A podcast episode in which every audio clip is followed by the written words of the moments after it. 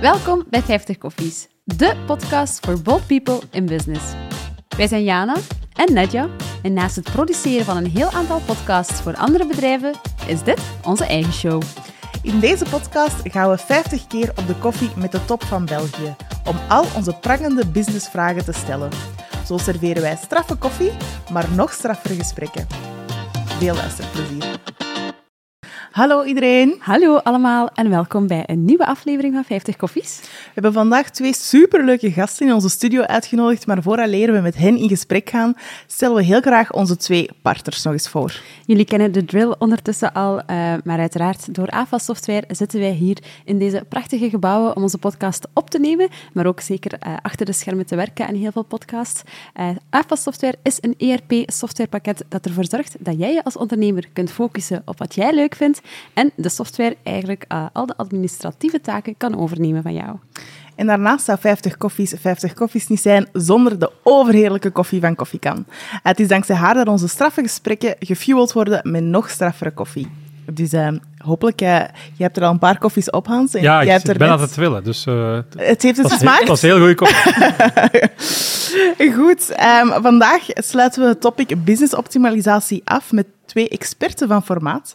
Allereerst ontvangen we Nathalie Liefsoens. Zij had een carrière in sales, marketing, HR en als CEO in zowel start-ups, multinationals als familiebedrijven. Maar ze besloot toch in 2021 om het werving- en selectiebureau a priori over te nemen, een plek waar mensen en organisaties centraal staan. Helemaal juist. Welkom.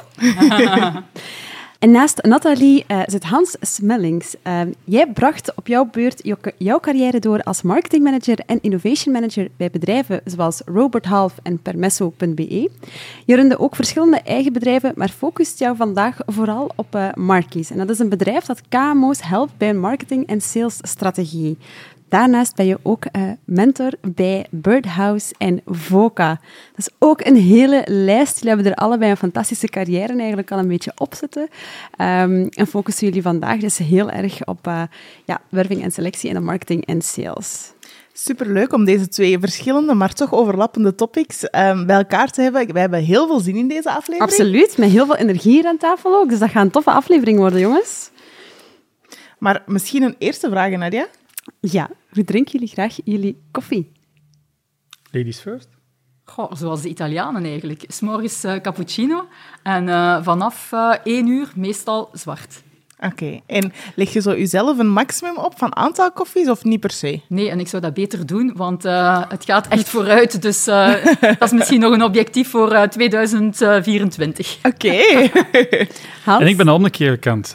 ik denk dat ik vloek in de kerk op een bepaald ogenblik. ik begin s morgens met zwart en ik glij af na de middag naar een cappuccino. Dus dat is echt wel voor Italianen vloeken in de kerk. Ja, ja, ja. ja dus... Maar altijd zelfgemalen bonen. Uh, ik haat zo van die koffies uit uh, machine, om het zo te zeggen. Dus, uh, dus ja, ik drink er ook te veel. Allebei koffielovers. Oh ja. En dan zitten jullie op de juiste plaats. Ja, en jullie leggen zich allebei eigenlijk geen maximum op. Nee. zoals in het leven, je moet genieten van het leven. Goed. Ik heb het gevoel dat aan de laatste gesprekken terug een beetje veranderd is, Jana. Ja, in het begin was het altijd heel streng. Mensen die zeiden, we bakenen het af. In de laatste gesprekken is iedereen, oh nee. Ik drink gewoon zoveel koffie als dat ik wil drinken. Ja. Als ik begin te trillen, dan is het uh, meestal uh, goed geweest. Dat is het goed geweest. um, goed, we hebben jullie uh, proberen voor te stellen in onze intro. We hebben daar ons best voor gedaan. Um, maar we horen het uiteraard ook heel graag van jullie zelf. Wie zijn jullie zowel op als naast de werkvloer? Wel, je komt het juist een beetje aan te halen. Hè, van, uh, we hebben de indruk dat de laatste jaren de gesprekken hè, en mensen die zich veel opleggen, wat verandert. Um, mijn motto is een beetje eigenlijk uh, gelijk uh, Gandhi hè, in Indië. Hè, die heeft een bepaalde spreuk een bepaald moment eens uitgebracht. Als je doet wat je graag doet, dan is, is, is er geen werken meer aan. En eigenlijk is dat dan bij mij het 80-20-principe. Wat. Die 80% probeer ik dat, zowel privé als professioneel, toe te passen. Ik vind wel ja, dat het, het moet toch wel leuk blijven ook. En uh, als ik dan concreet uh, ja, naar op de werkvloer en naast de werkvloer uh, moet beschrijven, um, op de werkvloer ben ik toch wel zeer resultaatgericht. ik challenge heel graag mensen, maar gelijk ik kom te zeggen, het moet wel leuk en aangenaam blijven. Dus dat is wel essentieel, dus die twee dingen samen. Daarnaast ben ik heel open en, en heel nieuwsgierig. Um, gelijk de dag van vandaag wordt er veel aan work-life balance en work-life scheiden en dergelijke meer. Bij mij is dat eigenlijk nooit geweest, nog altijd niet. Mijn uh, collega's en medewerkers die hebben eigenlijk in grote lijnen natuurlijk uh, altijd geweten van wat er speelt bij mij, met wat ik bezig ben en andersom mm ook omdat ik dat belangrijk vind, ja, het geeft soms dingen weer van mensen die ze in hun vrije tijd doen, dat je zegt, ah, amai, hè, zit dat erbij? En dan ontdek je bepaalde zaken. Dus dat is eigenlijk op, uh, op ja, werkvlak kort uh, beschreven. En dan, ja, privé ben ik iemand die nogal graag mensen bijeenbrengt. Uh, ik organiseer vooral heel graag, dus uh, eens originele dingen organiseren met vrienden en familie, dat is wel uh, iets waar ik echt kan van genieten. Leuk! Maar ja, ik heb ook wel tijd voor mezelf nodig. Ja. Dus dat zo echt ons afsluiten alleen. En dat zijn dan twee zaken die mij echt kunnen ontspannen. Dat is enerzijds de buitenlucht intrekken en dat is een stevige wandeling, liefst met veel wind en zo. En dat is de laatste tijd wel veel, dus uh, dat vind ik wel ontspannend. En ja, is een documentaire of een, een, reportage. Bijvoorbeeld als Rudy Franks op VRT afkomt met een, een, reportage, ja, dan laat ik alles vallen. Ik vind dat zo spectaculair wat die man allemaal doet. En vooral wat, hoe die de wereld bij ons binnenbrengt en ons ook wel wat realiteitszin uh, meegeeft dus uh, dat vind ik uh, ook wel ja, interessant. Leuk en super energetisch. Ik, ik hou echt helemaal van de vibe hier aan tafel. Bij mij is het, is het wellicht eh, gelijklopend of lichtjes anders, ik ga het zo zeggen. Uh, ik, ik, ben meestal op zoek naar uh, authenticiteit en uh, simpliciteit. En dat heeft te maken met, ja, ik heb in het verleden een heel hectisch leven gehad en, en, heel veel leuke dingen ontdekt in binnen- en buitenland. Ik heb in Silicon Valley zelfs overleefd, om het zo te zeggen, een paar maanden. En ik ben eigenlijk de laatste jaren op zoek naar uh, de eenvoud en uh, dingen ontdekken. Uh, omdat ja, je, je wordt overladen in een, in een businessomgeving met nieuwigheden en met mm -hmm. trends en met drukte van het leven ook, bij wijze van spreken. Dat dat in mijn persoonlijk leven juist het omgekeerde is. dus ja, ik ben, ben ongeveer tien jaar geleden beginnen golfen, puur om niet geconnecteerd te moeten zijn. En ik ben echt op zoek soms naar niet geconnecteerd te zijn. Mm. Omdat als uh, ondernemer moet je ook durven, en dat is wat dat ook Nathalie zegt, van af en toe moet je rust kunnen hebben. als je als ondernemer geen rust neemt, dan, dan loopt het niet goed af. En dan hou je het ook niet. Dan, dan, dus dat, en dan hou je het ook niet vol. Nee. Uh, want van zodra dat je de, bu de bureau binnenstapt, uh, ja, dan begin je aan 200 km per uur aan het werken. Mm -hmm. En uh, ja, dan heb je wel af en toe eens die rustpunten nodig. Uh, en is golf dat dan voor jou? Ja. Dat ja. Ik, uh, ik zet gsm af. Uh, de enige waar ik op antwoord zijn mijn medevenoten, die, die krijgen wel een antwoord. Maar voor mij is dat, dat moment even een, een me-timepje, om het zo te zeggen, mm -hmm. om, om tot rust te komen. Belangrijk, hè? Heel belangrijk. En ja. ik denk zeker dat, dat de generatie die, die nu aan het ondernemen is, daar al iets bewuster mee bezig is vanaf de start misschien. Uh, Goh, ja en nee. Ik denk dat ze dat uh, claimen. Uh, mm -hmm. Maar dan, dan kijk ik naar de social media generatie mm. en dan denk ik in mijn eigen van holy shit, die gaan over dit en 10, 20 jaar toch wel muren zien, ja. zien afkomen. Ja, ja, Omdat, ja, ze nemen geen rust. Want hun, hun leven online, hun leven in, in beroepsleven, hun leven persoonlijk, het is allemaal verwoven met elkaar mm -hmm. en er is geen rust. En een mens heeft rust nodig, hoor. Af en toe. En misschien ook heel veel druk, hè, want je zegt de social media generatie. Dat geeft ook heel veel druk, hè? En druk om wel heel veel die, zaken die te, te bereiken. Hè? Ja, dat is, dat is een constante druk die uh, alleen maar vermeerdert. Uh, ja. Doordat je die druk zelf oplegt. Uh, wat maakt dat ook in het bedrijfsleven, dat, dat je als ondernemer daar ook rekening moet mee houden. En misschien soms ook die, die, die rust moet kunnen gunnen of geven om juist mensen beter te laten werken. Om het mm -hmm. Ja, inderdaad. Ik denk wel dat je een bepaalde vorm van druk mm -hmm. kunt geven, maar het moet allez, positieve ja, energie ja. geven. En dan inderdaad, zo kun je je mensen challengen. Dat is wat ik ook altijd gedaan heb. En, en, en coachings ja. bijvoorbeeld doen wij dat ook. Een bepaalde druk opleggen om, om ja, mensen zich ja, uit balans te krijgen. En ze zeggen altijd, ja, je moet in balans zijn. Maar je groeit dus juist door uit balans te zijn. Even, maar dat mag geen continu gegeven nee, zijn. En, en dan moet je ja, bepaalde momenten in, ja, inlassen, zal ik maar zeggen, om die rust rust te pakken. Dus, Ik vind dat een interessant gegeven dat je zegt inderdaad, heel veel mensen zeggen dat we in balans moeten zijn, maar je groeit net door Ja, af en toe ja. uit balans te gaan, Ja, een Oh, beetje ja, terug te ja, keren. ja. Ik zeg En vaak, allee, dat is misschien lelijk, dat is bullshit, ah, die balans. Ja, oké, dat, is, dat is misschien wel even goed, maar je leert zoveel bij door uit de comfortzone te gaan, door uit balans te zijn. Ja. En, en daar ja, groeit je van. Hè. Dus, Ja, absoluut. En ik denk dat wij daar zeker voor kunnen meespreken, Jana. Af en toe uit balans gaan om terug... eh, Ja. Nee, goed. Maar we zijn hier vandaag ook voor het topic business optimalisatie.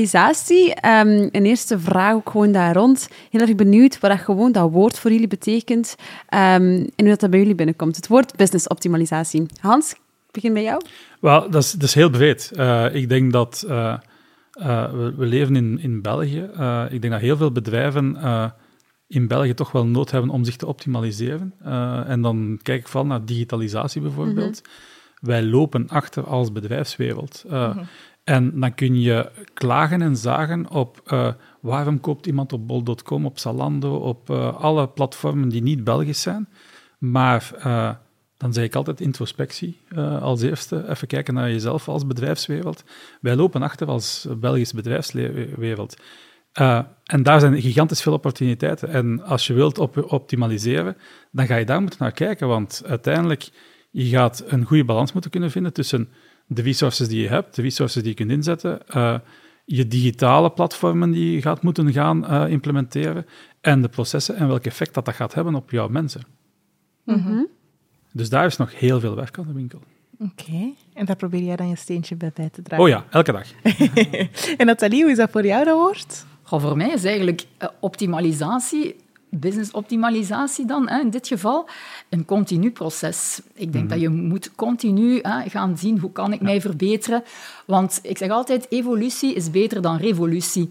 Uw mensen kunnen ook gemakkelijker mee, want ik vind het allemaal goed. Nu heb ik een kleine en platte organisatie en dan heb je minder hè, dat je echt die, die structuren en systemen zo goed moet hebben rollen. Maar het komt heel vaak ook met, met communicatie kijken en zorg dat dat een vloeiend proces is. En ja, dat zowel naar uw optimalisatie van uw systemen met daar de mensen rond, ja, als, als ja, voor uzelf ook. Hè. Ook uw eigen business-optimalisatie is ook u als persoon. Dat is, je bent een stuk van een business. Hè. Dus je moet je ook als persoon optimaliseren. En dat is dan waar wij complementair zijn. Wij doen dat met mensen die optimaliseren. En dat helpt ook om je proces vooruit te gaan. Want leiderschap is een, een kritische factor daarin. En de leiders moeten dat goed kunnen, dat evenwicht weten te vinden en, en dat integreren. Dus. En, en ik denk dat dat een van de... Je hebt het over mensen, hè. Eh, de, de zwakke schakel meestal in optimalisatieprocessen is dat eh, het leiderschap eh, de mens niet centraal zet Ja.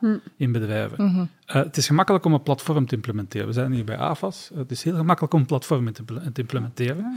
Maar hoe dan mensen dat gaan gebruiken, omarmen en hoe dat je dat gaat eh, begeleiden, ja, dat is cruciaal in een proces. Eh, en ik denk dat dat eh, een, een heel zwakke schakel is in de meeste bedrijven. Dat is een heel moeilijke schakel. Ook gaan kijken naar, eh, heb je de juiste mensen op de juiste plaats? Met de War for Talent, waar dat talent eigenlijk al lang gewonnen heeft, dus die war is al lang over. Eh, maar eh, ga je inderdaad ook moeten kijken van, ja, hoe kan ik mijn eigen mensen gaan reskillen, meepakken in dat pad, en dat vraagt soms tijd.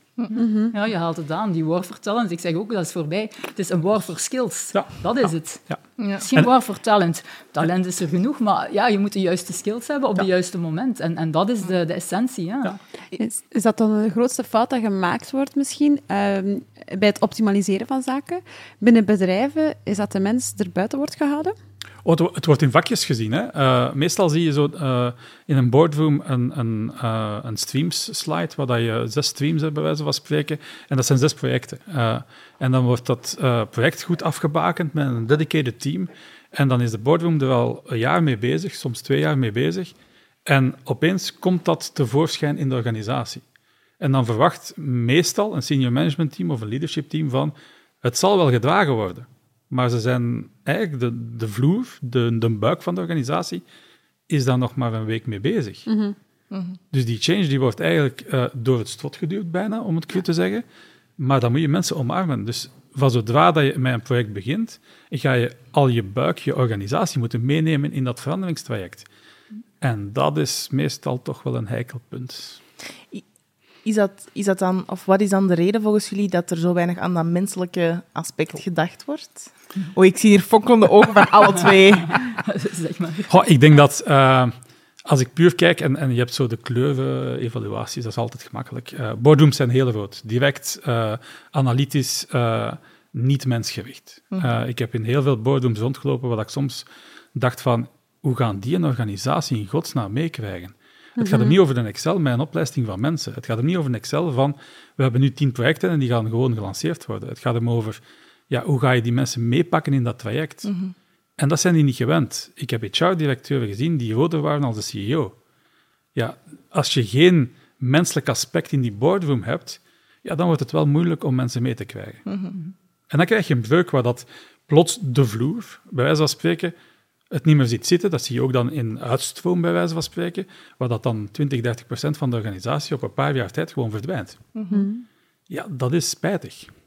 Ja, Nathalie, jij zit natuurlijk helemaal in de business, waar je dat misschien wel vaker tegenkomt of ziet. Wat is volgens jou daar het grootste probleem in? Of sluit je er wel een beetje bij aan? Ja, ik sluit er mij voor een stuk mee aan. Het is vaak het taakgericht, het projectgericht dat het bekeken wordt. En ze denken niet genoeg na van, oké, hoe gaan we dat draagvlak optimaal gaan creëren? En hoe bereiden we dat eerst voor, voordat we met dat verhaal komen? En, en dat is vaak, gelijk je ook zegt, en daar coachen wij ook verschillende leiders op, van oké, eh, waarom blijven mensen ook bij jullie? En waarom mhm. zijn mensen geëngageerd om zich in te zetten? Dat is betrokkenheid met de visie, met wat het bedrijf aan het doen mhm. is en, en systemen daarin implementeren. Ja, dat is al verandering voor mensen. Hè. Doffies hè, is al verandering iets van wow, hè, daar is niet iedereen hè, direct happy mee, want dan moeten we anders gaan werken, moeten opnieuw daaraan leren.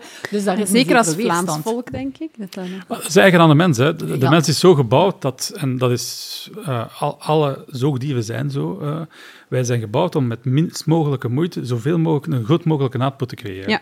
Zo zijn onze hersenen gebouwd. Dus je mhm. moet ervan uitgaan als organisatie dat elkeen die in een organisatie rondloopt, dat het niet de CEO is of de CFO, dus, of zelfs diegene die bij wijze van spreken het onderhoud doet, mhm. dat die eigenlijk risicoavers zijn. Ja. En dan kun je zeggen van, ja, ze moeten het maar slikken. Nee, zo werkt het niet. Uh, omarm dat feit en ga daar inderdaad, zoals je zegt, Nathalie, ga, ga vanaf de start daarmee aan de slag neem mensen mee. Uh, evoluties zijn, we hebben nu, er komt nu een gigantische snelle evolutie op AI-vlak bijvoorbeeld. Mhm. Daar moet je nu al mee bezig zijn. Ja. Niet op het moment dat je een platform implementeert waar dat AI in zit. Dan ga je nu al mensen moeten vragen oplossen, discussiëren, workshops organiseren, om juist dat uit te vlakken, dat mensen dat meenemen in hun dagdagelijks uh, uh, verhaal. Het maakt het ook efficiënter natuurlijk. Hè? Want je wilt een optimalisatie doen, maar als je mensen niet mee hebt, of het proces... En als ik zie in, in, mijn carrière, ik heb in verschillende bedrijven nieuwe systemen mhm. moeten implementeren. Ik weet geen enkel project, maar geen enkel dat op, op tijd gedeliverd was. dus ook daar, hè, naar, naar planning, ja, allee, of, of zelfs meer het voor. Of zelfs meerdere keren gelanceerd. Ja, dat je zoiets hebt van, we lanceren... Boardroom denkt van, oh, het is gelanceerd, check, een checkbox, hè. Uh, we hebben het mhm. gelanceerd. En twaalf, ma twaalf, maanden nadien uh, heeft men eigenlijk door van, ja, maar niemand is het aan het gebruiken. Of niemand is het aan het gebruiken zoals het moet. We gaan het opnieuw herlanceren met opnieuw hetzelfde traject. Ja, zo werkt het niet. Hè. Mhm. je maakt jezelf het leven moeilijk. Hè. Ik ben een bedrijfsleider. Ik wil een optimalisatie doorvoeren. Ik lanceer een platform. Wat zijn dan misschien de eerste drie stappen dat ik daar als bedrijfsleider echt in moet gaan nemen om dat wel op een goede manier te doen. Want we hebben vooral aangehaald wat we niet moeten doen. Mm -hmm. hoe kunnen we dat dan op een goede manier doen? Involve mensen.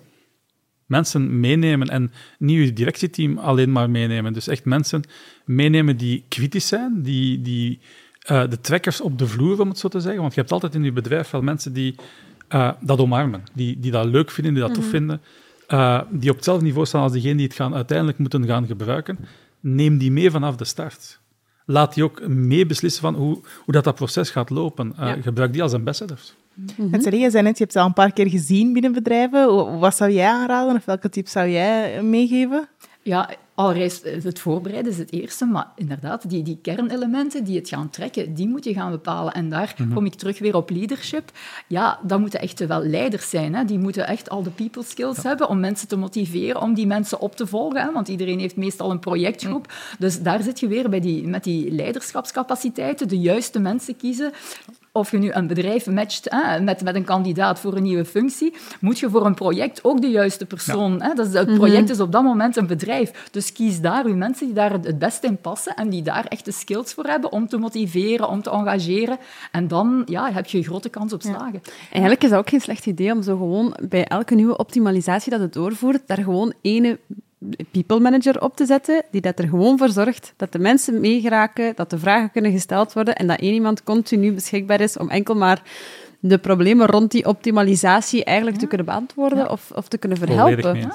Wij, wij, doen ook, wij plaatsen bijvoorbeeld freelancers bij bedrijven. En daar, daar zijn een aantal mensen mhm. bij die echt change, een change manager zijn onder mhm. human resources of onder de operations, afhankelijk van. Om echt dat heel gericht van buitenuit nemen dan vaak iemand, om dat dan samen te gaan organiseren en die het helemaal trekt. Dus uh, Oké.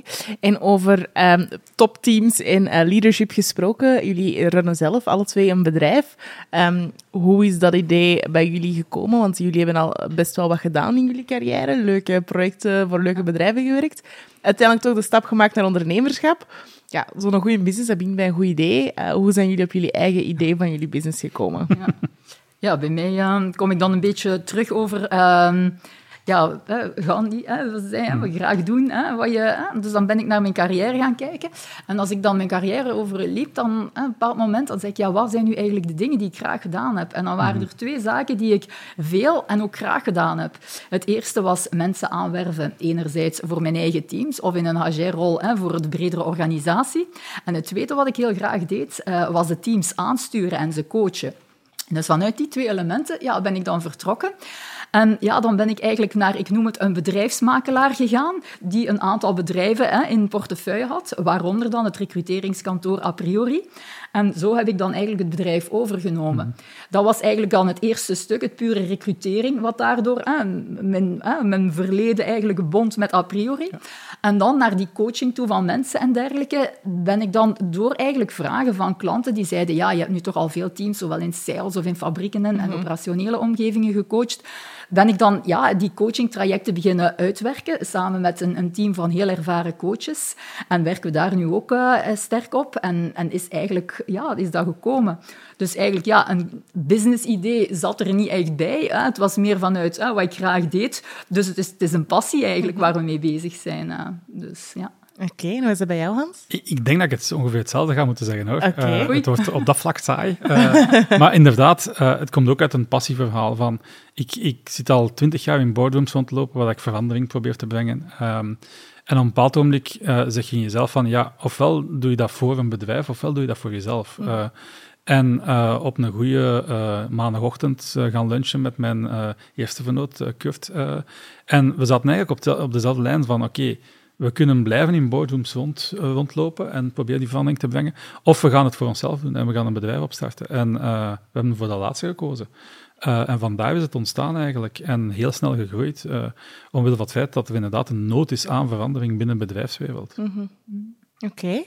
Dus ik, vind dat, ik vind dat altijd wel inspirerend. Wij zijn zo direct begonnen met 50 koffies en dat heeft ook al een weg gekost, dus ik vind dat altijd heel cool. Maar ik denk als je iets graag doet en of als je je passie nastreeft, dan lukt het wel altijd hoor. Als je een, een, een sound businessplan hebt, uh, bij wijze van spreken, dus dat je niet te zot aan toe zet. Uh, met de nodige doorzettingsvermogen. Met, inderdaad, ja, want ondernemen is niet uh, alleen maar roze geur en maneschijn. Nee, nee. nee, om daar dan even op in te pikken. Ik heb een overname gedaan, maar dat was mijn eerste overname. Gelijk ik zei, was samen met een bedrijfsmakelaar. Dus ja, je staat daar alleen te onderhandelen. Oké, je neemt op een bepaald moment wel een bedrijfsrevisor hè, mhm. om, om alles eh, een beetje door te lichten. Maar ja, ik heb daar wel heel veel uit geleerd. En ik zeg altijd, ik ga nog eens iets overnemen, want dan ga ik het beter doen. Ja, Dus ook daar kan je uit leren. Je leert uit alles. Dat is het, een stuk uit je comfortzone gaan. Ja, dat is en, eh, inderdaad waar we het er juist over hadden. Dat ze in die disbalans zitten om dan, uh, dan te groeien. Nee, mooi. Ik wil niet toch wel vragen, wat is een beste tip dat je kan meegeven als iemand een bedrijf overneemt? Doe het um, heel rustig. Laat u niet onder druk zetten. Want op een bepaald moment ja, is het dan, ja, maar nu moeten we afronden. Oké, okay, je hebt daar wel fases in, hè, dat je documenten tekent tegen dat dan. Maar, en op die moment is het cruciaal dat je zegt van, oké, gaan we alles hè, op tijd klaar hebben? Gaan we zorgen dat we alles weten wat we moeten weten? Dus ja, vooral dat. U nooit onder druk laten zetten en de tijd ervoor nemen om, uh, om uh, te goede erover hm? na te denken. Goeie tip. Ik, heb misschien nog een tweede tip. Is kijken naar het menselijk aspect. Uh, hm. Ik heb al wat bedrijfsovernames meegemaakt uh, in mijn leven. En uh, de match met de mensen moet optimaal zijn. als dat niet optimaal is, dat komt terug na de overname. En hm. als, als de, de match goed is, dan is dat eigenlijk een, een versnellende factor. het andere is een niet zo versnellende Ja. factor. Ja, wel, ja, ik kan u daar helemaal in bijtreden. Mhm. Maar als je vaak niet moogt met de, de mensen praten... En dat je Dat is een weet- uitdaging. Voilà. Ja, dat is een heel dat grote is de uitdaging. en Ja, Dat, is, Ja. dat is bij mij ook de uitdaging geweest. kan ik mee inbeelden. Nee, goed. Ja, naast een goed idee ehm, en een business opstart heb je natuurlijk ook mensen nodig die dat jullie helpen in dat proces. Jullie hebben het allebei over human excellence. Nathalie, kijk naar jou. Wat is human excellence? Human excellence eigenlijk is het vermogen om te begrijpen waarom dat je doet wat je doet. En dan kijken naar jouw gedragingen en zo gaan zien van hoe ja, heeft dat invloed op mijn prestaties en hoe kan ik zo excellent mogelijk gaan presteren. Ja. Begrijpen jullie wat? Of moet Ja. ik eh, anders verwoorden? Ja, Nee, nee, nee. En, het eh, te, maar te ik- moeilijk ik- is. Ik heb het gevoel dat Hans er ook nog iets over wilt vertellen. Wel, wel, ik, ik volg dat. En ik denk ook dat je als bedrijfsleider moet je de, de ruimte en de stimulans geven om, om je mensen te doen en zien groeien. Uh, je mag niet als bedrijfsleider denken van, ze werken voor mij. Dat is de grote fout die de meeste ondernemers maken. Zo van, ik heb een, ik heb een FTE-kraan, bij wijze van spreken, en dat is een kostenfactor. Uh, je moet mensen stimuleren dat ze zelf ook groeien. Je bedrijf moet groeien, maar dat begint bij je eigen mensen. Als je mensen groeien en zich ontplooien, dan zal jouw bedrijf wellicht ook wel groeien. Ik heb uh, onlangs, uh, ja, vraag me niet van waar, en iemand zei de grootste fout die inderdaad eh, bedrijfsleiders maken, is als ze zeggen dat heel wat mensen onder hen, eh, voor hen werken. Eh, en dat het een soort van kostenplaatje is. Maar dat, dat, dat je eigenlijk moet omdraaien en jij als bedrijfsleider moet werken ja. voor uw werknemers eigenlijk. Door hen... Ja, er is, Simon Sinek heeft daar een heel mooi quote gezegd. Hè. Simon Sinek heeft een quote gezegd... Um, um, people take care of the business and leaders take care of the people who take care of the business. En dat dat... Um, dat, dat, dat Kijk, het zal daarvan komen misschien. Ja, ik weet ja. niet, zeg het op TikTok.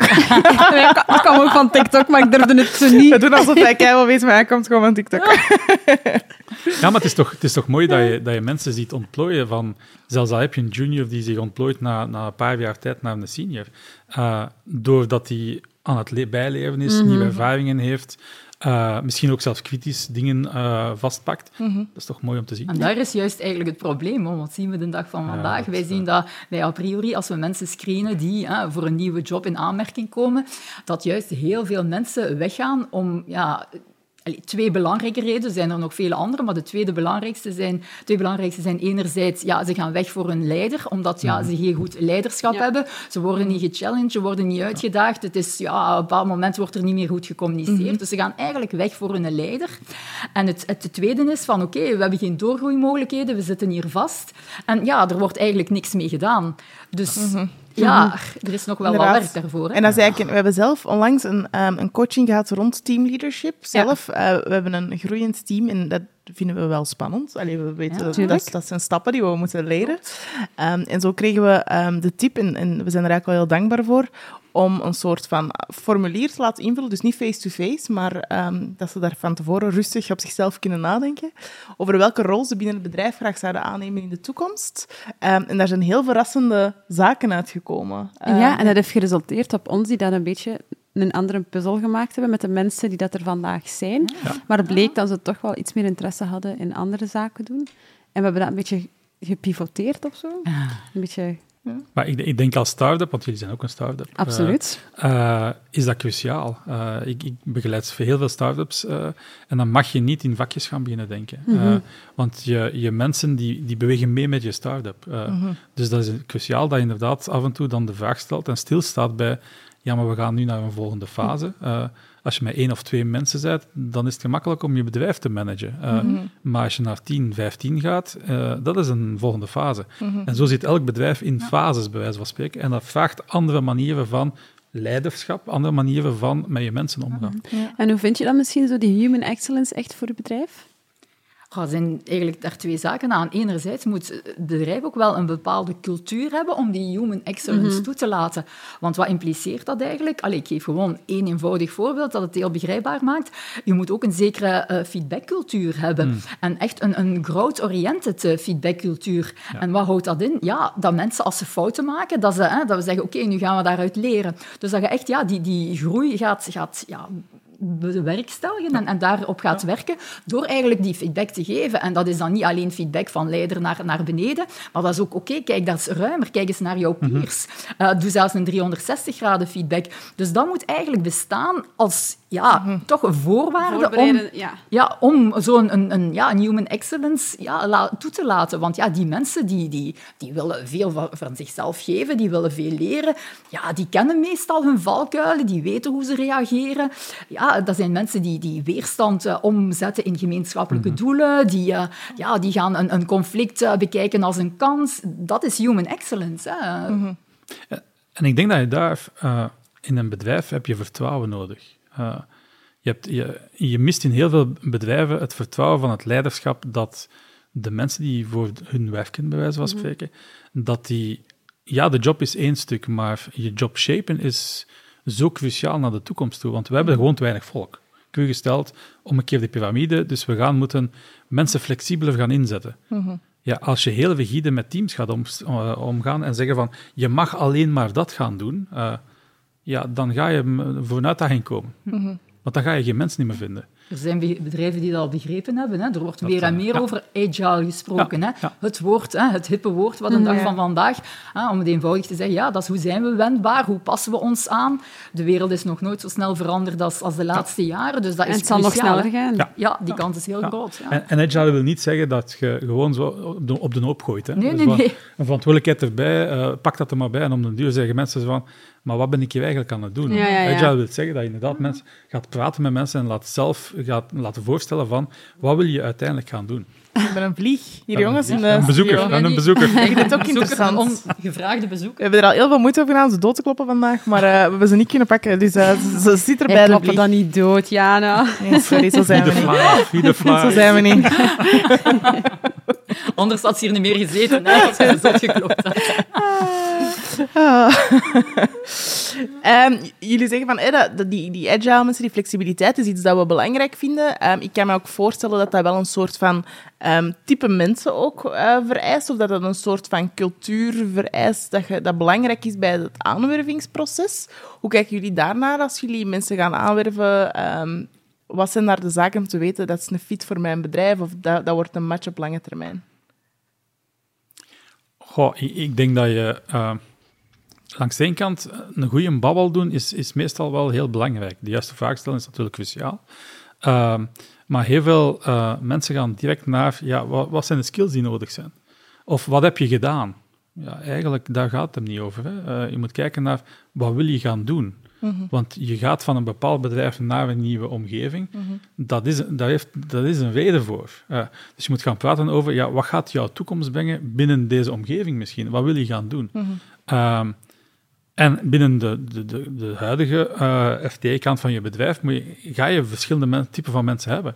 Je gaat mensen hebben die inderdaad misschien niet zo flexibel zijn. Dat moet je aanvaarden. Want ook dat is meestal een breekpunt in bedrijven van, ja, misschien willen mensen omwille van bepaalde omstandigheden niet die nieuwe taak gaan omarmen. Uh, maar zijn ze wel fantastisch goed in wat dat ze aan het doen zijn. Mhm. Aanvaard dat. Uh, maar dan ga je wel je bedrijf op een andere manier moeten gaan shapen voor andere typen van, van jobs. Mhm. Ja, ik zeg, het is een en-en-en verhaal. Het is uh, ja, enerzijds wat heel belangrijk is, dat is ja, past, hè, is de fit met de cultuur. Zijn de mhm. ambities gealigneerd? Want dat is ook vaak een belangrijke. Hè? Of de ambities en de verwachtingen van de persoon matchen met, met die van het bedrijf. Maar uh, er is toch ook wel een, een, een belangrijk punt. Dat is toch ja, assess en evalueer ze genoeg. Je moet zien mhm. naar skills, maar je moet ook kijken naar die, die mindset. Is, is, die er? Dat is echt cruciaal. En als je dat voelt, dat dat allemaal goed zit, ja, dan kan je een, een fase verder. En dan zien wij ook, wij doen vaak assessments, maar ook in bedrijven development centers, probeer ook te zien van ja, welk potentieel zit in die mensen en werk daarop. Dus die drie zaken uh, zijn toch belangrijk. Uh. Ja, en wat met iemand ik denk dat het voor um, mensen die dat, uh, werknemers aanwerven, het soms heel moeilijk is tussen ik kies iemand die dat de beste expertise heeft in een bepaalde taak, en die is daar heel goed in, en heeft daar de ervaringen ook in. Um, anderzijds wil uiteraard iedereen de meest ondernemende mensen in een bedrijf hebben die dat zelf de handen uit mouwen steken en aan de slag gaan. Maar zoals dat jullie zeiden, er is ook gewoon een hele grote groep die daar komt voor te werken, heel goed in wat hij doet, maar ook gewoon daarbuiten geen verdere carrière Ehm, ambities heeft. En dat is toch altijd... Sorry, ze. En dat is toch altijd... Smiet in mijn mond. Sorry, die vlieg werd op ons systeem. Ehm, nee, maar dat is toch altijd wel een nieuwe balans, allee, een moeilijke balans om te gaan zoeken. Kies ik voor ja, een heel ondernemende persoon met heel veel energie, of kies ik dan toch wel voor degene met een goede expertise? Om te zeggen in het begin, die ambities. Hè? Welke ambities heb jij als bedrijf? En welke... Dus dan moet je gaan kijken, ja, wat is het belangrijkste? Moet je prioriteiten stellen in het leven. Hè? Je moet dan zien, ja, wat gaat op, op korte termijn, op lange termijn, hoe zie je dat? Ja, je moet alles in een context plaatsen en op basis daarvan ga je, ga je beslissen. Die ambities en die mindset is sowieso zeker belangrijk. En, en een aantal skills. Ik zou zeggen, ja, maak dan een goed assessment en zie wat het potentieel is. En mhm. dan heb je heel veel gecoverd en dan moet je beslissen, dan moet je een keuze maken. Ondernemen is keuzes maken. Hè? Ja, en ik, ik wil ook nog even op, op inpikken is van twee dingetjes. Is dat ten eerste, je hebt een cultuur nodig en een definitie van je cultuur. Uh, in heel veel bedrijven is, is die uh, strategische visie er niet. Ze denken mhm. dat ze een cultuur hebben, maar meestal is de cultuur die men percipieert op de vloer ten opzichte van het management, mhm. is compleet verschillend. Uh, en daar begint al de grootste uitdaging. Uh, en ten tweede, ik heb altijd iets tegen als ik zo job descriptions lees van ik wil ondernemers in mijn bedrijf hebben. Ondernemers starten een eigen bedrijf. ondernemers die gaan kritisch zijn. Dus als het leiderschap niet aanvaardt dat mensen kritisch zijn, ja, dan moet je ook geen ondernemers gaan zoeken. Mm Dus jezelf ook kennen, die introspectie die, van... Die verwachtingen en die ambities zijn. Die moeten juist zijn. En die kunnen soms wel eens uh, opvallend verschillend zijn wat dat het, uh, het leadership van dat bedrijf denkt. Uh, want als je een heel rood leadership team hebt, ja, dan gaat die kritische noot misschien niet zozeer aanwezig mogen zijn in het middelmanagement. En dat zijn inderdaad die keuzes maken en durven dat ook communiceren, wat dat die keuzes zijn. Ja, want dat durven communiceren, zeker als ik, als ik de persoon zal zijn om te gaan solliciteren, in hoeverre ben je heel eerlijk tijdens jouw sollicitatie over het feit dat je jouw job puur als jouw job ziet en daar niet verder wil gaan en dat jij dan misschien denkt dat je een ander type persoon hebt aangeworven.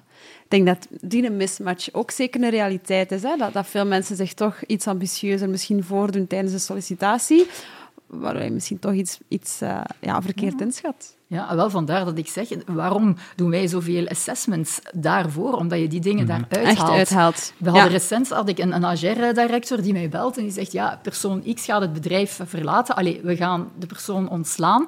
Ik zeg, ah, oei, ja, zegt ze, uh, ja, moet nu toch wel lukken. Hè? We hebben daar nu geen assessment mee gedaan, omwille van, ja, geen mhm. tijd. Dat was dan tijdens de vakantieperiode niet van gekomen, ah, het zal wel goed zijn. We hadden referentiechecks gedaan, hè? of zij hadden referentiechecks gedaan, en oké, het, was, het was in orde. En, en oké, dus, allee, waar wil ik toe komen? Niet dat je daarom altijd een assessment moet doen. Ja, helpt altijd sowieso. Mhm. Maar wat is het probleem? Veel mensen hebben onvoldoende zelfkennis. Ja. Mhm. ja. En daar, daar zit het vast. En je denkt dat je ondernemend bent. En ik heb onlangs iemand gehad die denkt, oh, planning en organisatie, daar ben ik zo goed in. Ja, ja, ja op zowel online test als op een, uh, de face-to-face uh, oefening. Ja, de, de, de, de, score 1, hè, die tot, tot 4 gaat. Dus de laagste. Dus daar zit het cruciale. Zorg ook dat je mensen hebt. Werk daarop in bedrijven, op zelfleadership. Ken jezelf. En, en dat je daarmee geconfronteerd wordt als mens. Dat helpt iedereen vooruit, de persoon in kwestie ook. Ja. Mm -hmm. Nee, dat dat misschien ook de core is dat veel mensen dat van zichzelf niet ja, inderdaad, want dat, dat, dat, dan, dat brengt mij dan, of dat is een mooi bruggetje liever naar mijn volgende vraag, is hè, de afval van mensen. Je kunt dan binnenloodsen en dan hopen dat je de juiste match hebt door assessment. Mhm. Maar mensen uh, verlaten ook bedrijven, uh, voor goede redenen of, of voor uh, mismatchen. Wat is eigenlijk, Nathalie, je hebt er misschien een goede zicht op, de grootste reden dat mensen het bedrijf um, terug verlaten na een bepaalde periode? Wel, dat is wat ik daarnet eigenlijk kwam te zeggen. Hè. Er zijn drie zaken. Het eerste is het leadership, ja. de baas. Dat, dat, niet gaat, dat is de grootste reden. Ja. Uh, ja som, en dat kan van alles zijn. Mm -hmm. er is geen goede communicatie. Ik stel een, een, plan voor en het wordt, het wordt nooit aanvaard. Het is altijd mm -hmm. niet goed. Of uh, mijn plan was goed, maar ze, ze doen of het van zichzelf komt. Ja, dus daar, micromanagement, dat kom je allemaal tegen. Dus dat heeft allemaal met dat, met dat slecht, als ik het zo mag noemen, mhm. leiderschap te maken. En het tweede is, ja, geen doorgroeimogelijkheden. En als je natuurlijk in een klein bedrijf zit, mm -hmm. ja, dan is dat vaak moeilijk. Maar er zijn ook heel veel grote bedrijven waar er wel mogelijkheden zijn. Mhm. Ik ken bedrijven waar we recent iemand die in een salesafdeling, dat was een handelsingenieur, die hebben verzet naar de finance-afdeling. Dus ja, ook dat kan. En zo los je de meest kritische zaken op. Dus, maar oké, dus ja, die doorgroei soms, ja, dat, dat mensen zeggen daarvoor. En dan is de derde, dat noem ik dan hè, de, de, de, de bak hè, met, met allerlei zaken. Dan gaan gaan, ja, je gaat weg omdat je dichter bij huis wilt werken. Het gaat economisch slecht in een bedrijf. Hè. Dat kan ook, ah, ik wil het voor zijn. En, uh, ja, of, of soms ja, hoor je toch ook wel eens, het gaat niet in het team. En, en toxische zaken hoor je ook mhm. wel uh, af en toe eens. Dus dat is eigenlijk de derde en dan grote groep van, van elementen. Ja. Ja, Hans, je bent zelf al uh, een paar keer veranderd uh, van ja. bedrijf waarvoor je werkt. Ja. Kan je daar iets over vertellen, wat dat voor jou dan de mismatchen waren? Zonder te veel in detail te gaan. Nee, nee, nee, maar ik denk... Uh, ik, ik heb altijd mijn passie nagestreefd. Hè. Dus ik heb langs de ene kant, en ik ben misschien een van die uitzonderingen, die vanaf de start duidelijk gezegd heeft van ik wil... Als ik een, een gebrek heb aan kennis of aan ervaring, dan wil ik in die sector of in die mm. type van job gaan, gaan zitten. En zo is eigenlijk mijn hele carrière uitgemapt geweest. En ik blijf meestal in een bedrijf tot op het moment dat ik zeg van oké, nu heb ik die kennis of dat, die ervaring uh, opgesloopt. En dat wil zeggen dat ik, dat ik uh, mijn langste job was zes, zes jaar. Uh, mijn kortste job was één jaar. maar dan zou ik kunnen zeggen van ja, jobhoppen, I don't care. Uh, om de heel eenvoudige reden, en dat is misschien mijn Gen Z-gen, uh, dat er dan uh, zo'n klein beetje in zit, om het goed te zeggen. nog in, in uw kleine teen. In mijn kleine teen, heel, heel... maar dat je inderdaad zegt van, ja, ik, ik volg mijn passie, ik wil een bepaald pad gaan volgen, en daar passen bedrijven in. ik zeg ook altijd tegen mijn, mijn eigen mensen van, ik, ik zie eigenlijk loyaliteit maximum drie jaar. Hm. Ik verwacht niet dat mensen bij mij twintig jaar aan het werk zijn. Hm. Waarom? Omdat, ja omdat je, je wilt dat mensen die ervaringen hebben. Uh, mijn carrière is zo gespekt met enorm veel verschillende bedrijven, sectoren, ervaringen die ik gehad heb. Uh, dat maakt wat ik nu sta. Als je daar ook wilt staan in de toekomst toe, als, als junior, ja, dan ga je regelmatig moeten gaan switchen. Mm -hmm. Daar ben ik nu niet helemaal mee akkoord. Ik zou zeggen, bij mij is het juist een minimum van drie jaar. We spreken hier, hè, we hebben het mm -hmm. over business optimalisatie ja, mensen moeten toch ook eerst in hun rol komen, moeten dan, vind ik, ja, bepaalde zaken doen. Ja, en, en, dan moeten ze een aantal zaken, vind ik, toch wel realiseren. En een eender wat project, dan vind ik, ja, dan... Allee, ik hoop toch dat als ik mensen plaats, dat die in een bedrijf minstens drie jaar blijven. Dat is, dat is voor mij toch... Allee, dat is mijn ambitie. En anders, ja, vind ik, moet je ze andere kansen geven en laten doorgroeien. En zorgen ah ja, maar, dat ze maar dat kan, hè. Dus, dus als ik zeg van drie jaar, dan is het binnen dezelfde job. Als je ah, wilt okay, ja, ja. passie ja. en energie en, en dat mensen er 200% voor gaan, dat kun je niet tien jaar aan een stuk doen. Dat kun je niet zes jaar aan een stuk doen in dezelfde job. Uh, of je moet daarin gesetteld zijn, en voor bepaalde jobs kan dat. Hè. Maar binnen sales en marketing verandert de wereld zo snel dat iemand die 20 jaar binnen een marketingteam op dezelfde job zit, ja, daar stel ik mij vragen bij. Ja, maar moet binnen het bedrijf waar je dan in zit, dat bedrijf moet toch ook evolueren. Dat, dus dan normaal zou die persoon toch, dan moet dat die persoon toch mee evolueren in juist. dat bedrijf. Ja. Dus ja. dan, de vraag is, evolueert de persoon dan effectief mee of blijft hij toch een beetje, hoe noemen ze dat, dinosaurussen? Dinosaurussen, ja. Okay. We hebben in het bedrijf waar ik heb gewerkt, L'Oréal, uh, die hadden ook een policy. Um, inderdaad, het gaat dan voornamelijk over sales en marketing jobs. Mm -hmm. Het gaat niet over administratieve ja, rollen of uh, customer service rollen. Daar, uh, daar hebben we er anders naar gekeken dan sales en marketing jobs. Um, of middelmanagement jobs, mm -hmm. meer dan. Hè. Um, dat was ook uh, drie jaar en dan moet je verschuiven. Want ja, dan maar dat is wat ik zei, je moet wel... Ja, ja, ja dan word je lui, lui, niet per se lui als in mentaliteit lui, maar krijg je een soort van, ja, om dan nieuwe ideeën te brengen, refreshing te zijn, dat vraagt een serieuze... gelatenheid. Ja, ja absoluut. Um, dus dus wij hadden daar inderdaad uh, ook, uh, de regel van drie jaar was daar, uh, gelde daar ook. Dus uh, nee, zeker waar. Interessant. Maar jullie hebben ook allebei een team onder zich. Onder jullie, toch? Ja. Zijn er bepaalde processen of structuren die dat jullie dat wel hebben ingevoerd om heel dat proces van aanwerving, human excellence en dergelijke op een goede manier te laten verlopen? Of is het toch ook nog iets dat jullie volop aan het ontdekken zijn, misschien achter de schermen? Wij zijn zelf ook een start-up, hè, dus wij, wij, wij boetseren elke dag aan de weg, om het zo te zeggen. Mm -hmm. uh, perfectie bestaat niet. Uh, nee. uh, wij gaan niet denken als een corporate waar dat functioneringsgesprekken en dat soort van heel zware en in de meeste bedrijven nutteloze gesprekken aan het voeren bent.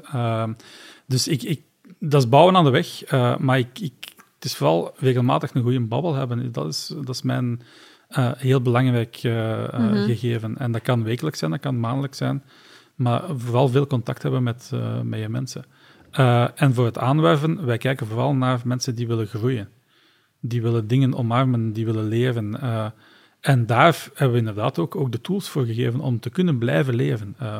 want ook dat, je bent als werkgever verplicht om dat te gaan supporten. Uh, want anders gaan ze weg. Zo simpel is het. Mm -hmm. En jullie zijn gespecialiseerd in marketing en salesstrategie ja. uitwerken. Gebruik je daar ergens een marketing, misschien een beetje een salesstrategie, om die type mensen echt aan te werven binnen jullie bedrijf? Doordat wij zoveel communiceren, en we communiceren dagelijks. Uh, Uh, en hoe communiceren jullie dan misschien? Dus via LinkedIn dat wij uh, regelmatig communiceren, Instagram. Uh, wij communiceren langzaam minder op Facebook en op TikTok gaan we beginnen. vooral onze juniors, dus niet ik, bij wijze van spreken. ik ben daar veel te oud voor en dat zou niet... Alleen, dat stukje Gen Z? Gen Z nu een teen? Ja, ja, dus een teen dus. Hè. Heel ver weg. Dat kan misschien nog een leuke campagne zijn, maar daar gaan we het niet over hebben. Uh, maar uh, het, het, is, het, is, vooral het omarmen van, van die mensen en, en, en goede communicatie. En wij geven ze inderdaad, ze hebben een, uh, een account op Udemy om, om te blijven bijleven. Uh, en die account is unlimited in mijn ogen. hoe meer dat ze bijleven, hoe liever dat wij het hebben. Oké. Okay. Nathalie? Bij mij is het anders. Ik heb een kleine organisatie. Het is geen start-up, maar bij mij is het een overname geweest. Oké, er zijn een aantal mensen mhm. bijgekomen. Dus ja, hoe gaat je gaat kijken? Wij willen ons vooral positioneren als een, een, ja, een recruteringskantoor, een, een, een HR-servicebedrijf met coachings mhm. en assessments, maar die wel ervaren mensen in, in dienst hebben. Naar ons coachings toe zijn dat mensen die jarenlang ervaring gehad hebben in, in bedrijven, omdat wij heel praktijkgericht willen gaan werken mhm. en, en heel, ja, een heel specifiek aanbod bieden. Dus vandaar is er bij ons, ja, allez, of, of kijk ik echt wel naar die expertise die de mensen gehad hebben. Die moeten een specifieke know-how hebben. Dus is, is dat voor mij belangrijk. Maar wat we sowieso hebben, ja, ik zit natuurlijk met mensen die in HR gewerkt hebben, die met ontwikkeling van mensen bezig zijn, die altijd toch een hele nauwe link ook met HR gehad hebben. Dus die ook wel zeggen van ja, we moeten groeien en die ook wel mensgericht zijn. Dus op, op dat vlak ja, heb ik ze minder te mhm. leren, omdat ze mhm. dat in hun hebben. Dat zit in hun DNA. Maar, uh, maar uiteraard, je, je, geeft mensen autonomie. Hè. Dat zijn senior mensen. Dus dat is iets anders. Als ik morgen hè, iemand jong bij een dienst neem, ja, die gaat je meer moeten begeleiden en dat is een andere aanpak. Hè. Ja. ja. Absoluut. Ja, je hebt uh, niet alleen de mensen uh, die begeleiding nodig hebben eh, van binnen jouw team, maar je begeleidt ook uh, leiders. We hebben daar juist al heel uitgebreid gehad hoe dat, dat zowel goed als slecht kan gaan daar. Um, wat valt u daar dan het meeste aan op als, als je kijkt naar hen, naar hun leiderschap liever? Goh, ja, het, het goede leiderschap. En, en, en ja, dat, is, dat hangt ook samen. Waarom wat je daarnet zeiden ook, hè, waarom mensen weggaan. Je moet een, een soort betrokkenheid creëren. Mhm. Betrokkenheid met, met de visie, met, ja, met de doelstellingen mhm. van bedrijven. En, en daar zeg ik altijd, zijn er drie zaken zeer belangrijk. Zorg dat je mensen samenwerken. Stimuleer dat als ze mhm. samenwerken. Ga ook eens cross-functioneel, cross-functional jobs uh, en, en, en opdrachten uitwerken. Dat werkt. Ja, daar komen ideeën naar boven. Dat is, dat is vernieuwend. Dus leer leiders daarmee omgaan, hoe ze zoiets aanpakken. En als derde, en, en dat is dan echt de, de toplevel, dat is, ja, maak er ook een zeker ja, beloningswaarderingsbeleid rond. Dat mensen die ook echt ja, performen en die het goed doen, dat die op een of andere manier, en zijt daar creatief in, hè, dat moet niet een loonsopslag zijn, maar ja, organiseer iets, I don't know what, maar beloon dat en, en, en ja, doe daar iets mee. Dus die betrokkenheid, ja, vaak weten mensen, wij hebben dat soms gehad, dat, dat mensen zeiden van, ja, ze vroegen en vertel nu eens wat de cultuur is en noem eens de waarde van het bedrijf. En dan keken die naar elkaar in hun groep en dan zeiden die, goh, kunnen ze als je geluk hebt ene opnoemen hè, van hun waarde. En dan in een andere groep, ah ja, zeg, ja, de CEO heeft daar in het begin van het jaar eens over gesproken. Wat was dat weer? Dus om maar te zeggen aan de CEO's en de HR-mensen, mhm. laat dat leven, gebruik dat. Dat is, allee, mhm. dat, is, dat is echt belangrijk. Dus leer uw leiders daarop op coachen en werken. Dat is, dat is één stuk. En dan het tweede is, ja, zorg voor die connectie met die, met die N plus 1. Dat is zo cruciaal. Zorg dat uw mensen, we hebben het al vaak gezegd, het komt altijd op hetzelfde neer, dat ze, mhm. kunnen, dat ze uitgedaagd worden, dat ze kunnen groeien. Motiveer de mensen. Leer dat people management aan uw leiders en eh, dat ze communiceren. Dus, en daar zijn ook drie dingen in, in dat engagement, om dat engagement eigenlijk te krijgen. En die connectie is van, ja, ten eerste, zorg dat er die feedback, hè, die growth-oriented feedback is. Dat is één, dat enorm waar je op moet hm. werken en werkt. En daar ga je heel veel info uithalen. En dan is, is ja, ook het, het punt van ja, communicatie, helder gaan communiceren. Nee, hoe vaak dat er, dat er slecht mhm. gecommuniceerd wordt, dat is, dat, dat is ook mhm. immens. En dan als derde punt binnen dat engagement zeg ik, ja, kijk naar het potentieel. Hè. Zie wat er nog in zit. En, mhm. en dat, is, dat is ook een cruciale. En uh, ja, dan, ik, ik zeg altijd, maak er delighted hè, klanten van. Hè, om, om naar, naar ons customers terug te gaan. Ja. Uh, dat, dat is het eigenlijk. Dan worden de ambassadeurs en dan, dan werkt het meestal wel. Oké, mooi. We hebben nu al heel uitgebreid gehad over alles wat in ons team werkt en rond uh, aanwerving en mensen behouden en rond leadership. Um, een ander onderdeel van het runnen van een business is natuurlijk ja, de marketing en de salesprocessen. Mm um, Hans, dat is uw uh, forte of uw mhm. expertise. Wat zijn of waar lopen bedrijven voornamelijk tegenaan als het daarop aankomt? Goh, uh, ik denk...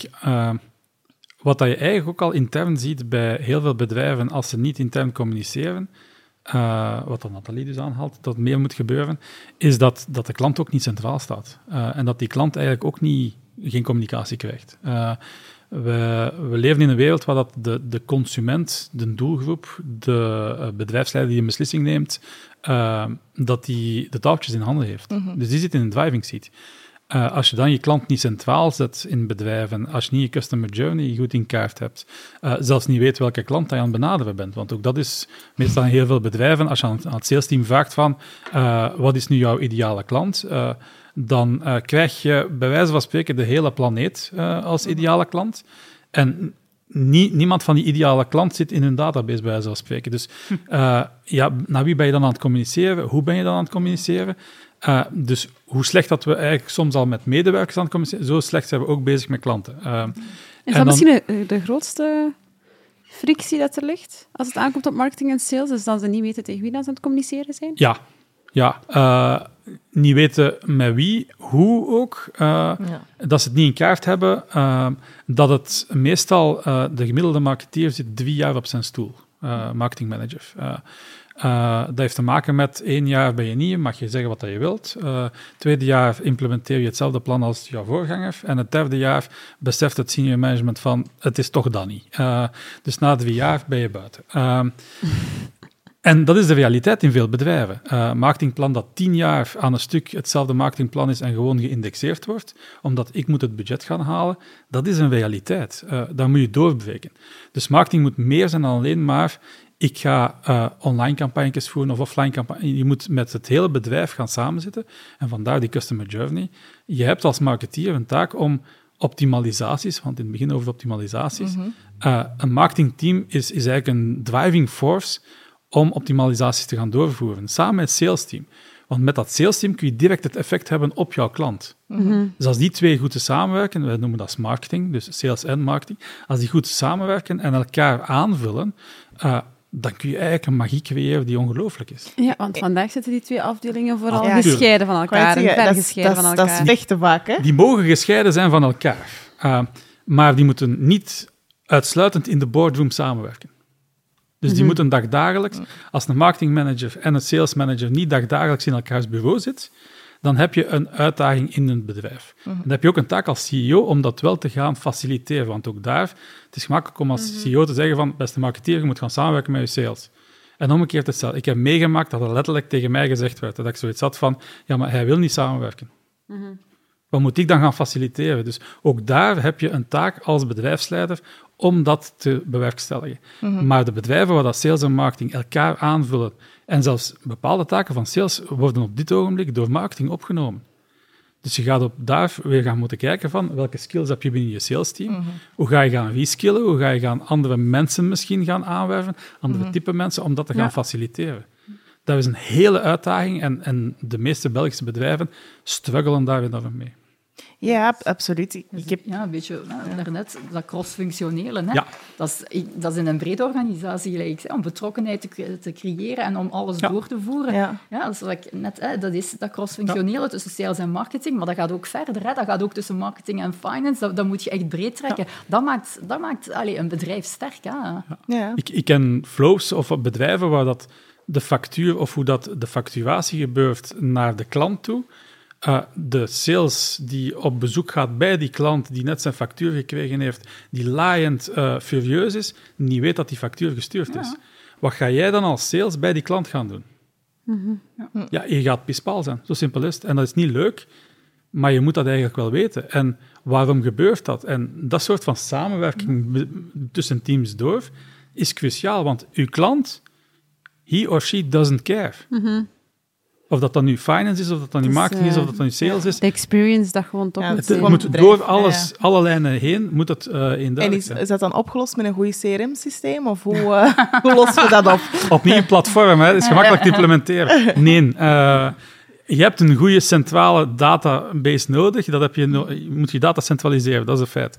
Maar dan gaat het over mensen. Is van, hoe ga je je salesmensen, je marketeers optimaal gaan inzetten? Mm -hmm. En welke automatisatieprocessen heb je daarbij nodig? Mm -hmm. En daar is gigantisch veel werk aan de winkel. Dus als je alleen maar een wekelijkse nieuwsbrief hebt, dan ben je niet goed bezig. Zo simpel is het. Ik geef altijd het voorbeeld van uh, een bedrijf waar ik ooit gewerkt heb, waar ik 16 mails per week uitstuurde. Waarom? De doelgroep wou dat. De doelgroep converteerde na die 16 mails. Mm dus je moet veel meer gaan communiceren en veel meer gaan automatiseren. Ja, en we hebben het nu misschien ook altijd over marketing- en salescampagnes of strategieën um, naar buiten toe en naar klanten toe en naar de doelgroep toe. Maar hoe kunnen we misschien een marketingcampagne of strategie echt gaan toepassen binnen je eigen bedrijf naar de mensen die daar intern voor jou werken? Ik, ik Om denk, bijvoorbeeld dat te... Ja, ja. Ik, dat, is een, dat is een heel goed punt, want... Uh, je ziet zo de trend van employer branding. Mhm. Ja. Uh, uh, dan komt men haar overeind. Hè. Uh, dat, is, dat is meestal een, een excuus om heel slecht management te voeren. Hmm. Want je hebt geen employer branding budget nodig. je hebt marketeers die, die branding doen.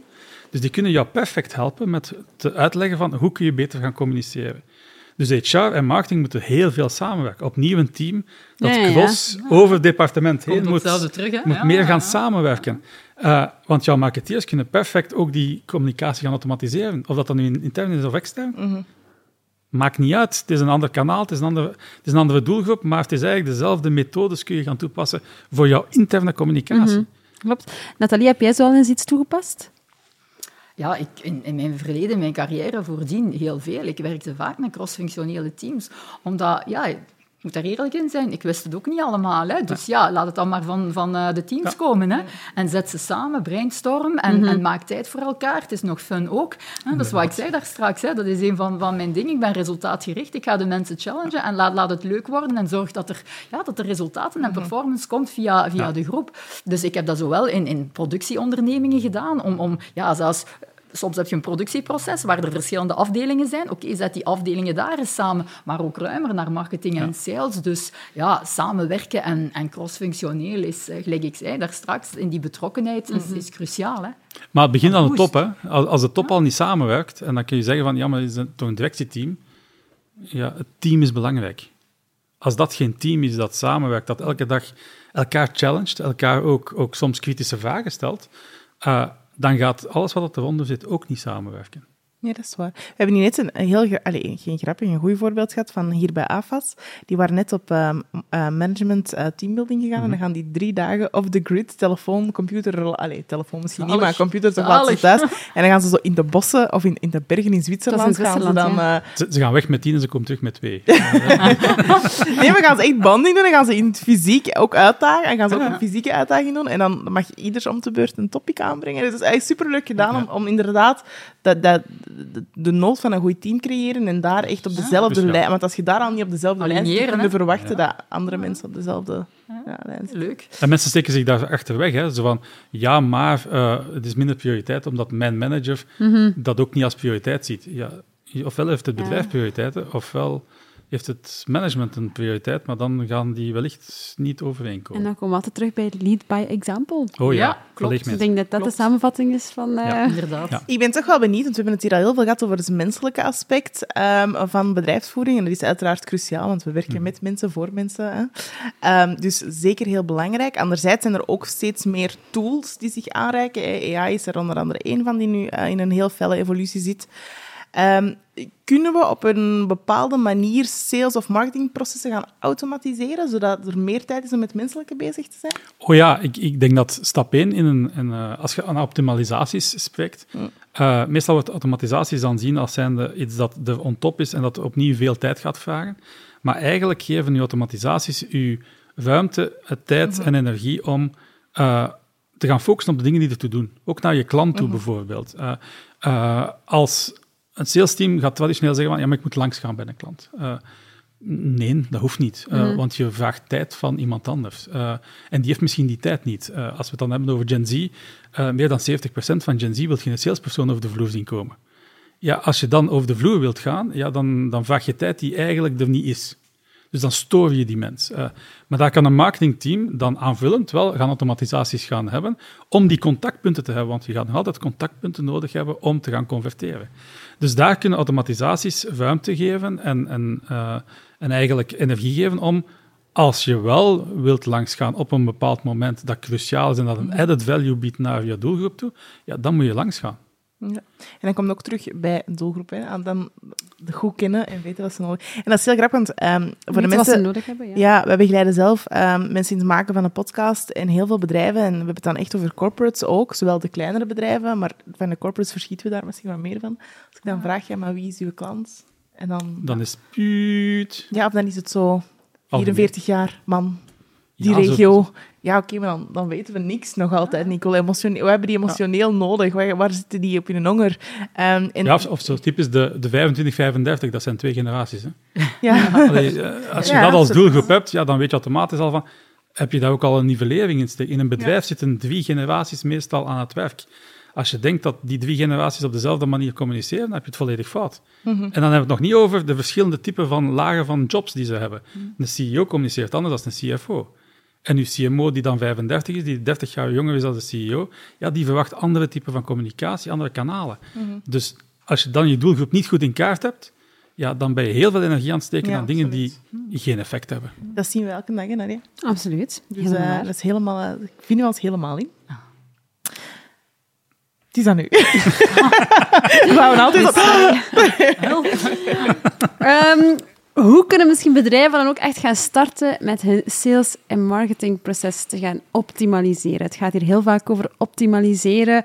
Uh, Nathalie, zijn er bepaalde zaken dat jij dan misschien in je marketing- en salesproces hebt kunnen optimaliseren de afgelopen jaren? Ik zal eerlijk zijn, ik heb geen sales of marketing meer gedaan de laatste jaren. ja, nee, nee, even kort door de bocht. Uh, als ik nu voor a priori bekijk, ja, nee, daar heb ik, uh, allee, ben ik echt slecht bezig, dus moet ik echt wel eens langs gaan met, uh, met Hans, bij Hans, denk ik, want daar, daar is werk aan de winkel. Okay. Maar uiteindelijk, ja, sales, daar ben je altijd mee bezig. Ja. En hoe probeer je dat te optimaliseren? Bij ons is eigenlijk, als je naar de businessprocessen of de processen in het algemeen kijkt, ja, we hebben intern, puur intern een aantal processen. En naar extern gericht, ja, wat zijn dat? Dat zijn de processen naar enerzijds de kandidaat binnen mm. recrutering en anderzijds is dat naar de klant hè, die die kandidaat zoekt. Dus ja, naar de, de, de kandidaat toe ja, moet je wel wat marketing doen, maar dat is toch, ja, dat is niet dat ze a priori kennen en, en iedereen maar schrijft naar a priori van als je een job hebt, ja, dan hè, hier, hier ben ik, hè, ik ben wel geïnteresseerd. Nee, hè, dus, dus daar hè, is het hmm. niet. Maar naar de klanten toe, ja, moet je wel een bepaalde flow hebben, moet je afspraken hebben, moet je zorgen dat je ja, een, een zekere top of mind blijft hebben, want dat gaat snel. Hè. Uh, ik heb dat gemerkt ja, met de overname. Er zijn een aantal mensen die eventueel hè, al eerder in de poelen zaten, maar ja, vergeten waren, ja, haal die maar eens terug. Dus daar is dat nu een, een, een heel moeilijk gegeven. Hè. We bestaan, a priori bestaat bijna 9, allez, bestaat 29 jaar, bijna 30 jaar. Maar toch ga ik ergens moeten gaan beginnen terug met het begin van het verhaal. En wat is dat? Dat is awareness. Hè. Dat ken jij in marketing. Dus ja, allez, ik ken natuurlijk van een vroeger verleden de stappen van marketing. Maar uh, ja, daar, uh, daar heb ik nu veel werk. Het verandert ook snel, hè?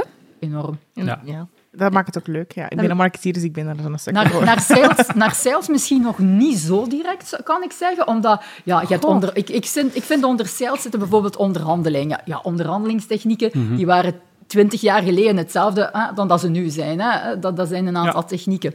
Oké, okay, ja, naar CRM-systemen, ja, dat natuurlijk wel. Maar nu noemen ze dat zo gewoon ja, de, de, de sales eh, journey, de customer journey. Maar waren wij vroeger, twintig jaar geleden, ook bezig hè, om die klant te volgen, ja. om die consument te volgen. Alleen, want anders werd je hem ook kwijt. Maar toen klonk dat, hadden ze allemaal die, die, uh, allez, die chique, trendy namen, hippe namen er niet voor. Hè. Nee, nee, dat is waar. Maar toch zien we wel in het salesproces dat er ook heel veel evolutie is. We zijn van een soort van... Eh, um, het was uh, Michael Humblé, die hier ook op de podcast is geweest, oh, die, het, die het vertelde. Ja. Die zei van... Eh, ja, we gaan van eh, de Wolf of Wall Street, uh, buy, pen, eh, daarnaar, naar veel meer een content, eh, vertrouwen creëren ja. door het maken van content, naar een ja. content sales strategie die eigenlijk bijna ja, samenloopt volledig met marketingstrategie. Ja. Dat is bijna, ja, dat is die marketing, hè, zoals je het noemt. Uh, en dat die content, het hebben van goede content, dat dat cruciaal is in je salesproces vandaag. Mm -hmm. en, en dat is de grootste uitdaging, want ja, er is verschil bij, binnen het, het salesverhaal. Is dat uh, vroeger sales zat, uh, zat een database na te, na te bellen, om het goed te zeggen. Uh, en nu gaat sales moeten aan de bak gaan met, ja, ik wil inderdaad die content gaan verdelen. Ik wil die status quo gaan challengen, omdat ja. bedrijven met mij alleen maar een relatie willen aangaan als ik een added value kan bieden. Ja. Niet omwille van het feit dat jij mij een PowerPoint-presentatie wilt door mijn strot duwen van een uur, uh, om te zeggen van hoe goed dat je bent. Nobody cares. Uh, maar iedereen is, is ge, geïncentiveerd om uh, vanuit dat, die status quo die gechallenged wordt, om te gaan zeggen van ja, maar hoe kun jij dat dan gaan oplossen voor mij? Mm -hmm. En dat is een groot verschil. Dus je gaat je ziet op dit ogenblik een verschuiving waar dat heel veel sales teams eigenlijk verminderd worden in aantal FTE's en dat bij het marketingteam er meer gaan bijkomen.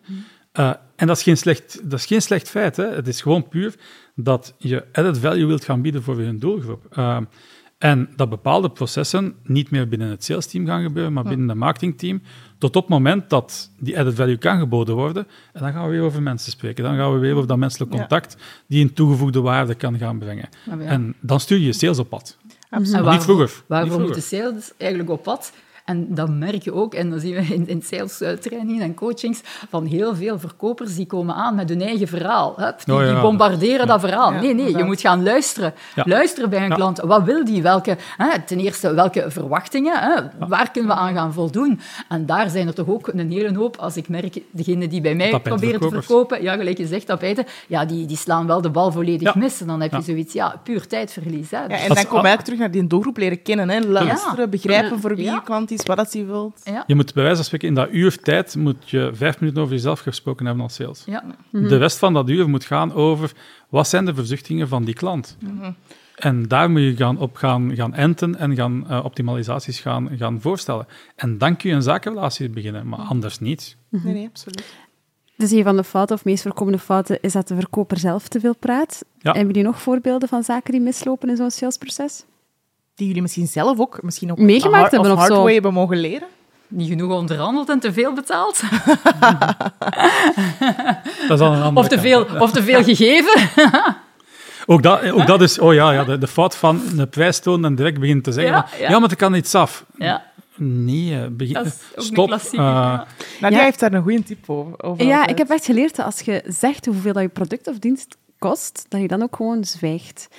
En dat heel veel mensen daarna bezig zijn met de prijs te proberen verantwoorden. Nou, maar dat moet je niet doen. dat is echt wel waard, want we zitten met u wel echt uh, zoveel uur samen en dan met je product en ja, die Misschien ben je over een prijs bezig van een product dat hij helemaal niet wil. Ja. Ook al. Of misschien voor u is dat... Je kunt niet kijken naar iemand anders een portemonnee. Wat, niet, wat voor u veel geld is, is voor de andere... Voor, voor, een goede sales, een goede sales is zwijgen is goud is waard.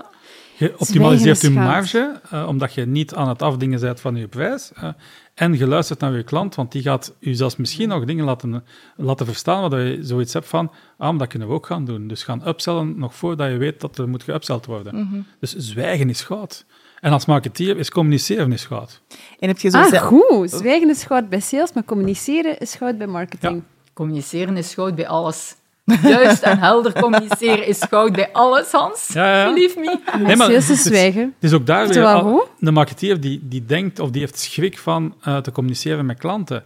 Terwijl dat juist een klant wilt weten wat dat je doet, of wat dat je aanbiedt, mm of wat dat beter kan. Of, daar is communiceren goud. En niet ene keer, niet twee keer, maar En eigenlijk moet je ervoor zorgen dat door je marketing jij zo, zo, weinig mogelijk moet zeggen tijdens een sales, omdat die via de marketing al heel veel info heeft gekregen Waar dat eigenlijk wij kunt zwijgen en dat goud nooit een presentatie. Hè? Wij geven nooit een presentatie. We hebben zelfs geen presentatie liggen uh, van ons bedrijf. Maar de mensen zijn overtuigd dat ze moeten met ons samenwerken.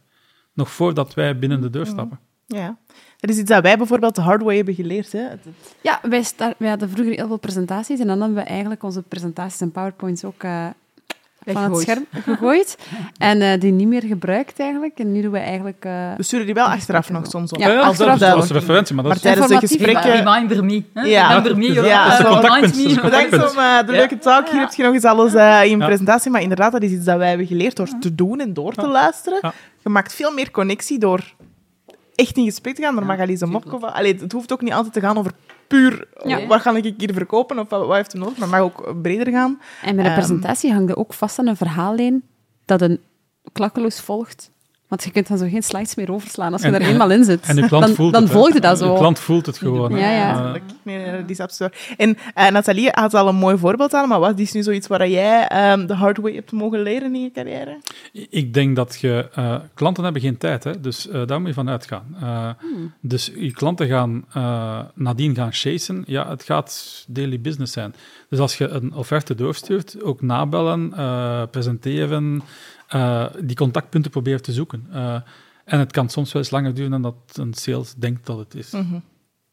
Maar daar kan ook data weer verhelderingen brengen van wat is de gemiddelde pipeline en hoe lang duurt het om je conversie te gaan, uh, te gaan doen. En dan kan het soms wel maanden zijn voor leer dat je een conversie doet. Ja, ik denk dat dat misschien wel ook... eh, dat is ook iets waar wij de harde, op de harde manier een beetje geleerd hebben. Het duurt heel lang voordat je conversies ehm, vallen of gebeuren. En dat is dan ook terug een les van de Michael Humblé dat wij er rond ook geleerd hebben, is hoe duurder product of dienst, hoe meer vertrouwen er moet gebouwd worden. En soms vergeten we in het marketingproces om echt dat vertrouwen Ja. te gaan opbouwen en verwachten we dat we door de sales een conversie binnenhalen. Maar het is eigenlijk door vertrouwen op te bouwen dat de conversies gaat Ga ervan uit binnenhalen. dat niemand u kent. Begin daarmee, en dat is ook eh, eh, wat dat Michael af en toe zegt, is van, niemand kent u. Dus als jij een afspraak hebt als sales bij een klant, bij wijze van spreken, die kent u niet. Die heeft u wel gaan opzoeken op LinkedIn wie dat jij bent, maar die kent uw bedrijf niet, waar dat je voor werkt. We zijn niet allemaal Coca-Cola en Apple, Ja. eh, dus die kent u niet. Dus je gaat inderdaad stapjesgewijs, en volledig dat die sales al binnenstapt, moet die klant op zijn minst al vijf à tien keer benaderd geweest zijn door het marketingteam om juist dat te gaan faciliteren van wij zijn bedrijf X en dit zijn onze diensten, producten, dit is wat dat wij doen, dit is wat dat het, de authenticiteit van het bedrijf is. Als dat niet gebeurt, ja, dan ga je dat proces na die eerste, eerste bezoek hebben. En dan kan het langer duren dan dat je denkt. Helemaal waar. Eh, ik vond het een ongelooflijk interessante aflevering. al. We zijn al helaas bijna op ons einde eh, gekomen. Maar misschien nog twee vragen, Nadia? Ja. De voorlaatste vraag zal ik even eh, op mij nemen.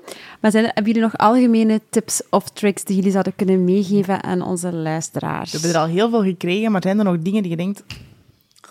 Misschien eh, drie zaken. Als je wilt optimaliseren en met, met business optimalisatie bezig zijn, doe het continu. Dat het niet een revolutie is, maar een, een evolutie. Ehm, communicatie is eh, toch wel key. Communicatie en informatie delen is cruciaal in elk bedrijf en gaat zorgen dat je processen en je systemen daarna fluently verlopen. Dus de job is done dan. Dus die communicatie, hè, zorg dat iedereen dat onder de knie heeft. En als laatste zou ik zeggen, ja, zorg dat uw leiders eh, iedereen meekrijgen in eender welk verhaal, dat ze, ja, dat ze mensen doen groeien. En, en, en ja, zorg dat uw leiders hun, hun rol opnemen. Dat zijn de drie punten. Denk je wel. Oeh, Hans? Ik ga er nog eentje aan toevoegen, laat u bijstaan. Uh, Als bedrijf, je kunt niet alles kennen, je kunt niet alles weten. En die mensen, als die inderdaad lang in het bedrijf zitten, gaan ook niet alles weten. Uh, uh, dus je hebt externe klankborden nodig om je verse informatie en af en toe ook eens op de kritisch te kunnen benaderen. En als, als mens moet je ook u laten uh, bijstaan. Ik, ik vind het altijd heel spijtig hoe weinig uh, CEO's, C-level mensen klankborden hebben. Uh, want dan kun je niet je vragen, met je, je vragen kwijt. En ja, als CMO kun je bij je CEO terecht, ja, maar dat is een andere relatie. Ja. Hm. Dus laat u bijstaan, zowel op persoonlijk vlak als op professioneel vlak. Uh, en dan, dan ga je veel sneller groeien dan wat je nu aan het doen bent. En kleine incrementele uh, veranderingen zijn, zijn key. Paleisrevoluties werken nooit. Dat, uh... hm. En is terug in het evolutie versus ja. revolutie ja, ja, verhaal. Ja. Zeg, onze, onze vriend is... De Jos, vlieg, ja, dat hebben we nu nog nooit Onze gehad. vlieg, nee, inderdaad. Um, maar bon, we zijn hier op het einde, dus uh, hij zal ook kunnen vertrekken, subiet. Als het over gaat om business optimalisatie, wat zijn dingen waar jullie zelf misschien mee bezig zijn, waar we nog in de toekomst dingen mogen zien verschijnen van, uh, van jullie bedrijven? Goh, maar Kies gaat qua, qua look and feel volledig veranderen. Uh, tegen de tijd dat deze podcast live staat, zal dat ook al zichtbaar zijn. Uh, okay. Dus we zijn aan een rebranding bezig, uh, omdat we in die volgende stap van het bedrijf komen. Dus dan, dan verwachten we ook dat er een andere look and feel, een ander gezicht mm. geplakt wordt op het merk, om het zo te zeggen. Uh, en wij gaan nog sterk groeien, dus uh, wij, groeien, wij verdubbelen elk jaar op dit ogenblik. Okay. En dat gaat de komende jaren uh, niet minder zijn. Dus, Fantastisch, heel veel succes, Nathalie. Ja, wat mogen jullie nog allemaal van, uh, van a priori verwachten? Ja, dat is een goede vraag. Ik vind dat altijd gevaarlijk, hè, verwachtingen. Um, allez, misschien om even naar het salesstuk van jou terug te komen. We hebben het daar vaak ook over. Ja, verwachtingen en verlangens, hè, dat is, dat is ja. zoiets gevaarlijk. Maar uh, ja, we gaan uh, natuurlijk ons, onze job voor eender wat we, wat we doen, zo goed mogelijk doen. En, en wij hopen dat mond-aan-mond reclame veel doet. Um, en voor de rest, ja, misschien een, een tip van de sluier. Um, in de tweede helft van november uh, gaan we met a priori wel een grote conferentie rond leiderschap doen. En daar komen toch wel wat spectaculaire uh, sprekers en spreeksters. Dus uh, heel boeiend. Uh, Leaders in Motion is het. Okay. En ja, dus tweede helft november. Dus okay. jullie gaan daar nog meer over horen op, op de media. En Oké. zien op onze website. Zalig, dankjewel. Heel fijn dat jullie tot hier wouden afreizen om met ons deze gesprek aan te gaan. Eh, we vonden het een heel boeiend gesprek. Ik heb van alles geleerd. Ja, ik ook. Super bedankt om te luisteren en eh, graag tot de volgende keer. Tot dan. Dag. Zit jij na het beluisteren van deze podcast met de kriebels om een eigen podcast te maken? Wel, bij 50 Koffies Producties helpen we jou bij het maken van een podcast die aanleunt bij jouw bedrijfsdoelstellingen. Wil jij dus op een authentieke en professionele manier connecteren met potentiële klanten, medewerkers of andere stakeholders? Dan helpen wij jou bij 50 Koffies verder, zowel voor kleine bedrijven als grote bedrijven, met totaalproducties van concept tot content. Contacteer ons op info@50koffies.be Of voor meer informatie gewoon even surfen naar www.50koffies.be.